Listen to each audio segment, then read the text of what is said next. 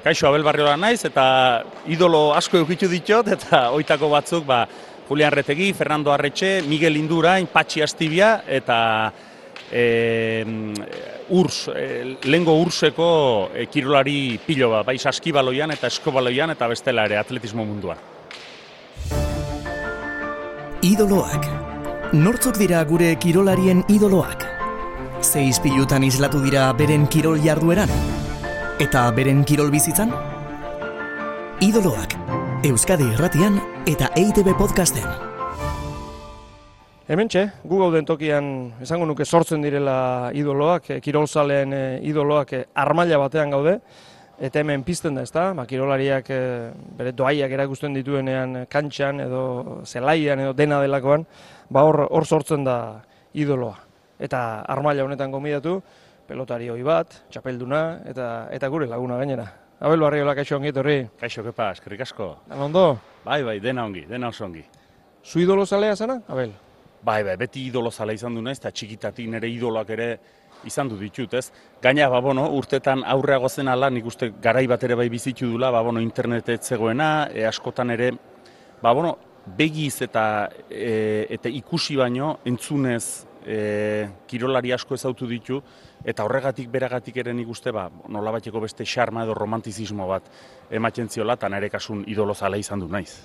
E, idolo bakarra eta ari fidel bizitza osoan, edo idolo asko izan daitezke baten e, ibilbidean zehar? Ez, idolo asko izan du ditu nik, ez. E, batetik, pilotaria izaki, ba, bueno, nire asko jarraitzen dituenak, Orda ama Julian Retegi zen irabaztailea zelako, gero arretxe asko gustatzen bera ezagutu nuenean, jo, niretzako beste saltotxo bat izan duzen, tan e, asko miresten nuen ez, nola zaintzen zen, eta eta hori dena, eta gero pilotatik aratago, zesango dizok, e, Miguel Indurain ez, e, Nafarra izaki, ba, bueno, e, Nafarrontzako idolo bat izan du da, eta oain oso burutan dauke pilotan jokatzen nuenean, e, atarrabian jokatzen genuen, paz dezigan da ikastolan, eta oparitxo bat bezala poster bat eman ziguten, ez? Miguel, Miguel Indurainek e, dedikatua, eta jo, ni harreri begira egoten itzen, pentsatuz, jo, hitz Miguel Indurainek idatzi izan dituta, Abel Barriola Miguel Indurainek idatzi izan du, nekabo, eta hoi pentsatzen nuen, ez? gero, aratogo joan ta,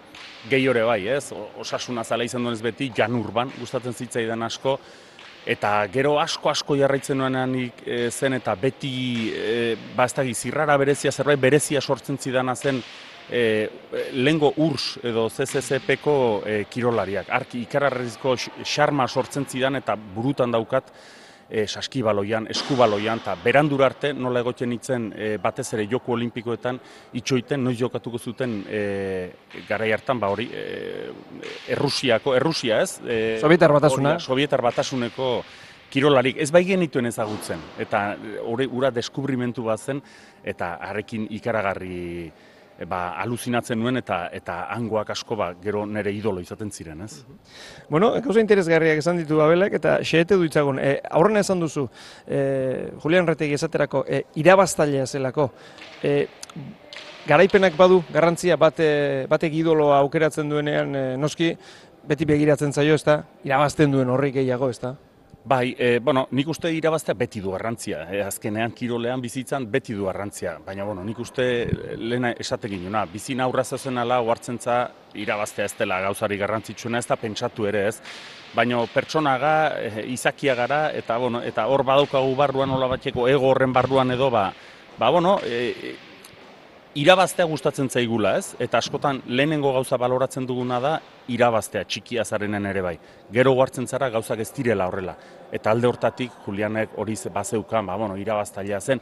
Egia da orain e, askoz gutxiago dagoela, baina orduan bazegoen nolabaiteko pike bat Nafarroa Gipuzkoa nork irabaziko duen Josanekin e, Tolosarekin finalaiek eta Nafarrak erretegiren alde, Gipuzkoarrak Tolosaren alde eta bueno, horrek beste puntu bat ere ematen zion. Baina, bueno, zuk esan duzunaren arira, bueno, nahi dutzen zait dudai gabe, ez dela garrantzitsuena irabaztea, baino egia da txikitan, ba, bueno, irabazten duenari beti e, ba, bueno, beste begi batzuekin e, begiratzen zaiela futbolean batzu eta Real Madrilarekin ta gertatzen den bezala, ez?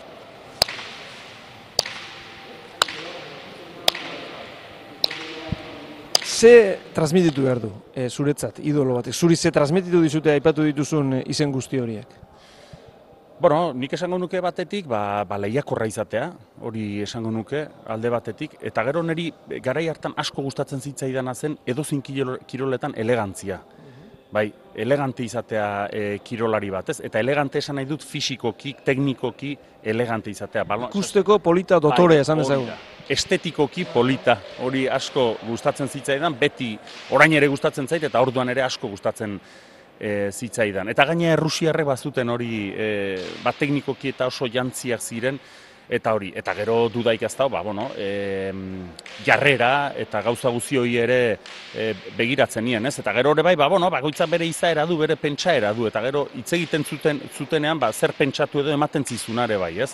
Azkenean, hori ere bazuten, ba, komunisten garaikoak, e, askotan entzuten zenuen e, futbolari bat edo futbolari bat edo entrenatzaile bat, partidu baten ondoren, edo igual hemengo bat e, entzuten zenuen, eta hemengo batzuek esaten zuen, bueno, bai, amaika, amaikaren aurka da, e, balio duena e, gola da, eta jo, entzuten zenuen, komunismoaren garaiko ba, orduko selekzioko jokalari bat edo eta ematen zizun ba, bueno, laburpen bat zoragarria nola bai hau izan du da beraiek e, ba, bueno, estrategia erabili dute edo alineazio jarri dute eta bono guk erasoan jokatu jo eta esaten zenuen ostra ze, ze bueno, beste, beste puntu bat ematen zioten ez? Beste aberastasun bat. Eta hori ere egia esan e, baloratzen nuen bai.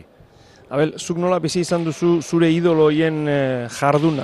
Erretegi, arretxe, indurain, aipatu dituzun hoien jarduna, nola gogoratzen duzu, nola bizi zenuela?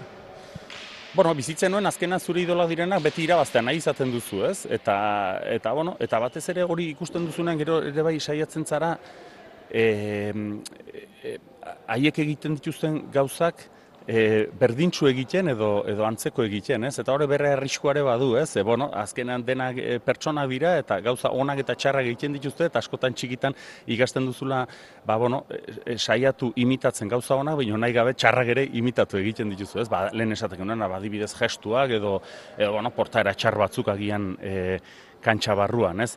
Baina, bueno, e, esan bezala, nik uste e, kirolari baten eta pertsona baten bizitzan ere etapak izaten direla, eta etaparo, eta lehenengo etapan baloratzen dituzun gauza batzuk, bigarren etapan agien ez dituzu baloratzen, eta beste gauza batzuk e, baloratzen dituzu, ez? Baina, e, nik esango nuke, ezagutu ditudan horiekin profesionaltasuna adibidez, ez? Nola e, zure burua zaintzeko gaitasun hori, eta eta bueno, eta azkenean ba, ba ikustea eta haiek ikusiz ikastea, ba detaile txikiak eta zaintzea ba, ba garrantzitsua dela, ez? Eta gero e, internazionalki ba, esan bezala, garai hartan saskibaloian jokatzen dutena, Sabonis, e, Kurtinaitis, Martxulenis, eta haiek denak, ba, ba bueno, besterik gabe, irabaztean nahi izaten nuen, eta beti, ba, hori, nola jokatzen zuten, ze elegantziaz jokatzen zuten, eta, bueno, jarraitzaile sutsu bat. e, portaera, aipatu duzu, e, bat eredu hartzen dugunean, idolotzat hartzen dugunean, dago batetik e, kirol jarduna, bai. eta bestetik dago portaera, e, kantxan, zelaian, dena delakoan, eta hortik kanpo. Mhm. Hori dena e, hartu izan duzuzuk kontutan? Bai, kasu batzuetan bai, eta beste batzuetan ez. Ez nik uste gero ere bai, em, eske idola gehienetan izaten dira txikia zarenean, ez? E, edo, edo oso, oso gaztea zarenean. Ze, neri pertsonalki askotan gertatu zait, ba, nire idolak zirena, gero ezautu dituzo, e, hitz egiten, ezautu dituzo, adibidez patxi astibia. Nire herrian, ura ere, Jo, nire etxean esaten zenean adibidez patxi astibia eta e, ba, nik ez nuen ezagutu, ez nuen ikusi. Orduan, iduitzen zaizu, ba, ba, bueno, superheroi bat zela, ez? Eta non, e, ba, bueno, bere doi fisiko, e, teknikoak eta ikaragarriak zirela, eta nola bat esatearen, ba, bueno, ez zela ez ez beste bat, beste izaki klase bat zela, ez? Eta horrekin bizitzen zara, gero ezautu dut, patxi astibia, eta, bueno, huartzen zara, ni, ba, zu eta ni bezala eseko bat dela, bere, ba, bueno, bere aserreekin, bere pozeekin, bere, ba, bueno, bere dudeekin, dena eukiko du ez, eta nolabait denbora aurrera di joan ala, ba, bueno, huartzen zara dena pertsona galela, eta hori pixko bat, ba, galdu egiten da, ez, eta, Eta, bueno, eta nire kasuan ere e, hori izan du da, ez? Eta, baina hala ere, ba, esan bezala, baloratzen ditudan gauza asko da, ez? Eta batez ere, nik esango nuke gauz DNI ezagutu ditudan guzti horiei, ba, profesionaltasuna eta batez ere duten pasio hori, ez? Bere, bere, bere kirolarekiko, pasio azkenen ilusioa, eta hori transmititzen zuten gainera, eta pixka bat hori ikasi nahi izaten duzu edo, edo horrekin gelditu.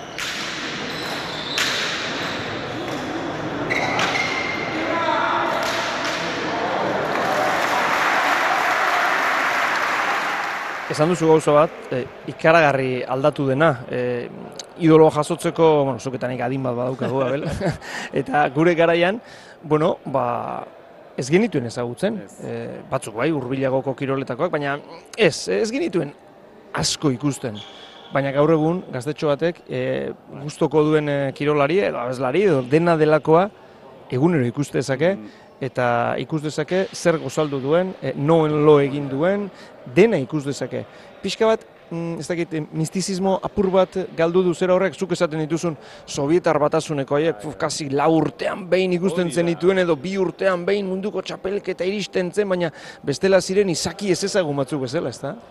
Hortan ez dauket inongo dudarik ere. Zuk esan duzu bezala, romantizismo puntu hori galduen du. Egi, egia da, beste gauza batzuetan, ba, hobetu egin dela, ze gaur egun da e, kirolari dauketen informazioa asko zaberatsagoa da orduan baino, baino egia da erromantizismo puntu hori galdu egin duela e, kirolak. Eta zuk esan duzuna, jo, lau urtean behin ikusten zen dituen Sovietar batasuneko e, kirolariak. Eta aurra ikustea zen, ni hori naiz Mihail Jakimovic ikusten Errusiarekin jokatzen zuenean eta e, baloia ba, bota, besoarekin jota postea nola jo zuen, eta burra, no, me, no, ikararria, ma, atera da, eta Eta, bueno, eta hoi bezala beste jokalari askorekin, orain Mijail Jakimovic ja, e, etortzen bada bakarren bat, ja amala urtetatik YouTubeen daukezu, ez? Edo, eta e, segura askira amazazpi urterekin ja e, ligarik onenetan jokatzen ari da, ez? Eta alde hortatik, ba, ezagutu egiten dituzu, egunerokotasunean badagizu nolakoak diren, eta nik uste lehen idoloak izatea, errezagoa zela, gaur egun baino, ze, esan bezala, e, kirola alde hortatik internetarekin, eta, eta gauza, eta sare sozialekin, eta bat eta beste,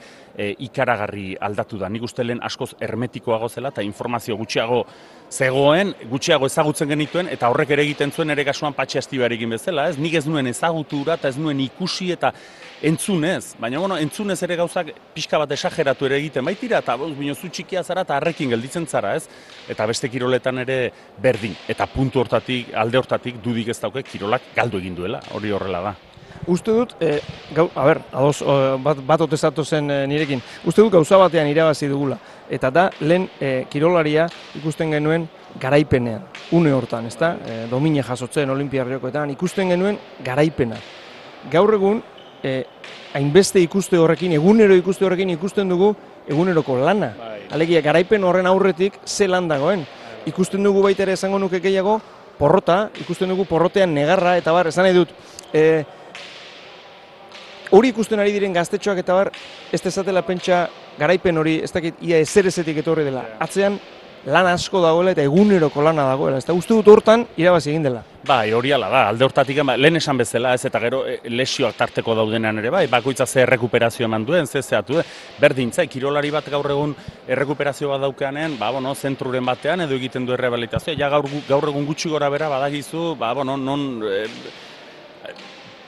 gorputzeko zati bat edo belaun bat edo baldin baduzu badagizu non ba bueno ebakuntzariko bena non egin dezaketen errekuperaziorik onena non egin dezaketen eta alde hortatik bai aberasgarria dela e, kirolariarentzako. Ta zuk esan bezala ba kirolaren ba kirolak dituen aurpegia naturaltasun osoa ba garaipena ez garaipena eta eta hoiek denak ez? Eta bai egunerokotasun horrean hori ere ikusten da eta nik uste hori egia da alde hortatik e, aberasgarria dela, ze askoz e, plazaratuago daude, ba, ba, bueno, e, kirolaria bera, e, askoz ere hurbilago dago jendearen ganako. Neurketako azkena, Abel Arriolaren ibilbide paroko azken tantoa. Ezkermara, eskurdiak txokora, altunak irutik ezkerrez. Eskurdia biparetakoa, altunak txokora, eskurdia jaso, Abel dotorratzetik, biparetako batekin. Ederra! Ederra! Abel Armailan gaude, lehen esan dut, hemen sortzen dira idoloak, e, zure idoloi buruz e, hitz egin dugu, zuk pixka bat e, armaila batetik ikusten zenituen kirolariai buruz, baina bueno, gauza nabaria da, ez da e, inork e, ez ezateko modukorik, zu izan zara askorentzat idolo, zara oraindik ere, frontoitera joan da Abel, Abel, Abel Barriola kantari entzuten duzu, eta pixka orain beste aldean jartzeko eskatu behar dizut. Nola bizi izan duzu zuk, zenbateraino barneratuta izan duzu jokatzen zenuen bitartean eta bar, zu beste askoren idolo zinela. Bueno, e, eskerrik asko zure gati, baina bai, olako kasu batzuk ere etortzen ziren, ez batez ere, ba, ume txikiak eta neska txikiak ikusten dituzunen, ba, bueno, e, argazki ba nahi dutela edo bat edo beste. Ni guzti, kirolaria horrek indarra handia ematen diola, ikaragarria. Eta niretzako hori adibidez, Eibar nik asko maite dut, ba, bueno, beti eh, han gustora jokatu dudalako, aspen eman ditu dudalako urterik gehienak, eta eta bueno, eta Eibarko astelena frontoian partidu asko jokatzen genituelako, eta hori alde batetik, bino beste alde batetik ere bai, ba, bueno, denak bezala zure momentu ona dituzu ezain ona, eta eibarrera beti joaten itzenean, beti, apa, bel ez da eta bueno, argazkiren bat, hau edo beste, eta, buah, kiston subidonakin, edo, jo, nola bat esatearen indartuta, e, etortzen zinen, ez? Ba, ba, bueno, etortzen zirelako, ba, bueno, gazte batzuk, ezain gazteak, ba, hau eta beste, eta, bueno, zer moduz, eta hitz egin zidu, animo, eta bat, eta ikeragarria, eta, e, argazkiren bat, sinaduraren bat, eta eta horrek nik uste kirolariari indarra ematen diola. Ez dela inondik inora izaten zama bat nola bat esatearen, ez? E, beti izaten dela, ba, ba, bueno, aurrera egiteko beste bultzada bat nola bat esatearen, eta e, esan bezala, norbait etortzen baldin bada, orain ere, norbait eba argazi bat nahi duela do, jo, ba, kirolariak e, dudai gabe poz ikaragarri hartzen du. Eta ez ez zaie guztiek gertatzen zaio zu erretiratu zinen urte batzuk badira oraindik etortzen zaizu jendea oraindik abesten dizu jendea hori hori derrigor behar du gauza ederra ez da bel bai bai bai bai derrigor da gauza ederra eta bueno kirola duen gauzik gorrenetako bat nere ustez da e, kepa edo edo zailenetako bat nik uste kirolaria gorokorrean e, burua inteligentea da burua bere buruan ongi jarria egitzen du ez? Baino egia da kirolak denak bezala bere garaiak ditula kirolariak esan nahi dut. Bukatzen denean bukatu da eta hori onartu eduki bar dozo ba ba bueno bukatu da, zure urteak egin dute, eta jazta, eta bueno, eta gero, horrek esan nahi du, ba, bueno, ekiz denborara, bai, badagoela jende oroitzen dena, baina beste jende asko dagoela, ez dena oroitzen, ze azkenean, izakiak orloa garare, bai, e, bueno, memoria motxa dugu, edo dugun memoria dugu, eta beti orainean bizigara askotan, ez? E, ba, bueno, nere belaunaldiko, bai, ezagutzen haute, baina guainko mutiko txikiek, ez ni, e, nere belaunaldiko pilotari asko, asko, asko, ez dituzte, ez dautzen, eta batzuetan hori kirolari hori bezala eramatea, ostras, nola bat txokatu bezala edo e, egiten dizu, ez? Eta, bueno, oroitzen direnean, jode, ba, ba, poza hondia eramaten duzu noski.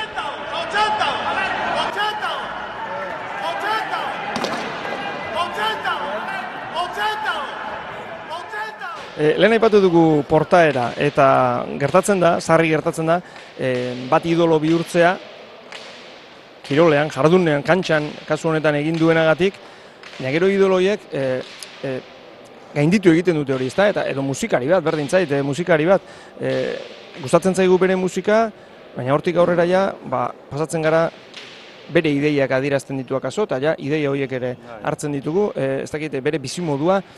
Zuk inoiz sentitu duzu, ni eredu bat naiz batzurentzat eta ez dakit esaten ditudanak, egiten ditudanak, pixkat zaindu egin behar ditut, edo zuk beti pentsatu izan duzu, edo bueno, orokorrean ez zu bakarrik, beste zure ustez kirolari batek idolo baldin bada zaindu behar du hori, edo baliatu egin behar du hori, e, zer, nola, nola jokatzen da horren aurrean? Hor bi aldeak dauden eretzako, ez batzuek badira, bueno, ni pentsatzen dudana esaten dut eta eta kitxo, pilotatik kanpora esan nahi dut, eh? pentsatzen dudana esaten dut eta kitxo, eta beste batzu badaude, ba, bueno, nik pentsatzen dudana, niretzako gordetzen dut, eta eta listo. Eta, bueno, nire kasua esanen dizut, eh?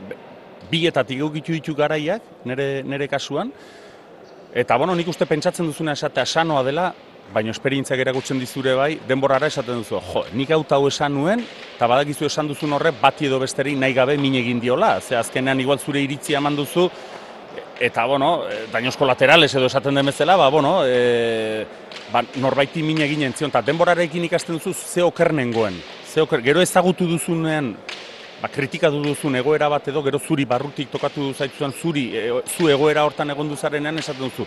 Ze oker e, nengoen, eta ze umea izan du nitzen, nire eritzia esanez, ba, hau horrela behar du, eta hau eta beste, eta e, hori adieraziz nola bat, ez? Eta bukaera luze honetan nire kasuan minipin, pilotatik kanpora diren gauza guztietan nahiago izaten du nire eritzia ez eman horregatik. Ze, ga, nik uste gauza, e, gauza batzuetan zure eritzia emateko ezagutu egin behar direla, eta gehienetan ezagutzen dituzunean ez direla zupe, kanpotik pentsatzen duzun bezala izaten, eta esperientziagatik nahiago du. Pilotan munduan bai, bino hortik kanpora e, nire eritzia dauka, bino ez adierazi e, publikoki.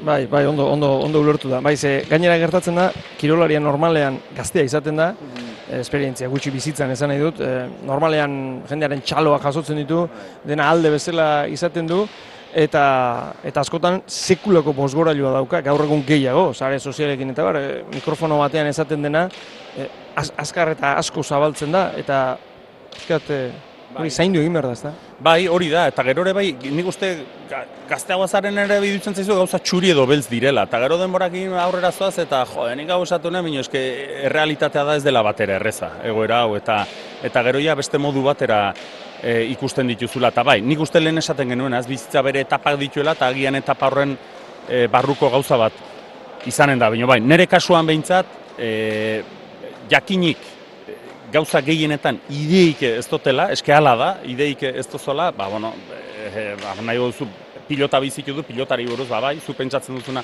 e, esaten duzu edo esaten dut, baina hortik aurrera, bueno, zu, bada jende hortarako pentsatu dezatela beraiek, naiz eta obvio edo, edo begikoa diren gauzak, ba, ba, bueno, denei min egiten dizkigutenak, ba, argi dago, ba, bueno, alde batera do bestera egon behar duzula, noski. Azken egingo dizut, Abel, e, kirolak e, behar du, idoloak behar ditu, idoloak sortzen e, joatea behar du, ba, bueno, bere zabalkunde horretan eta bere bere oraingo martxa horretan jarraitzeko behar dira idoloak. Bai, zen ere ustez idoloak azkenen e, e, kirolariaren, e, kirolarian eta bestela edozein gazterentzak makil bat bezala izaten da, ez? E, iruditzen zait bizitzan, azkenean apoio bat bezala da, ez? E, nere ustez, eta nere ustez behar dute kirolean eta kiroletik kanporare bai. Eta pertsona bakoitzek, ba, egin batean publikoa denak, bera izanez, balore positiboak eta transmititzen edutzen zait oso, oso e, garrantzitsua dela, ze, e, bueno, bat, bi, hiru, lau, bost, sei, edo diren e, neska, neska edo mutiko gazteak ura idolotzat daukatenak, ari jarraitzen e, saiatuko dira, eta nik uste hori positiboa izanen dela beraientzako, eta, eta bueno, horrekin batera gizartearentzako noski. Bueno, ba, osnarketa horrekin eh, geldituko gara, idoloen eh, gai honen eh, inguruan, gaur gurean Abel Barriola. Abel, benetan, eskerrik asko. Eskerrik asko zuri, gepa. Idoloak. Euskadi Irratian eta EITB Podcasten.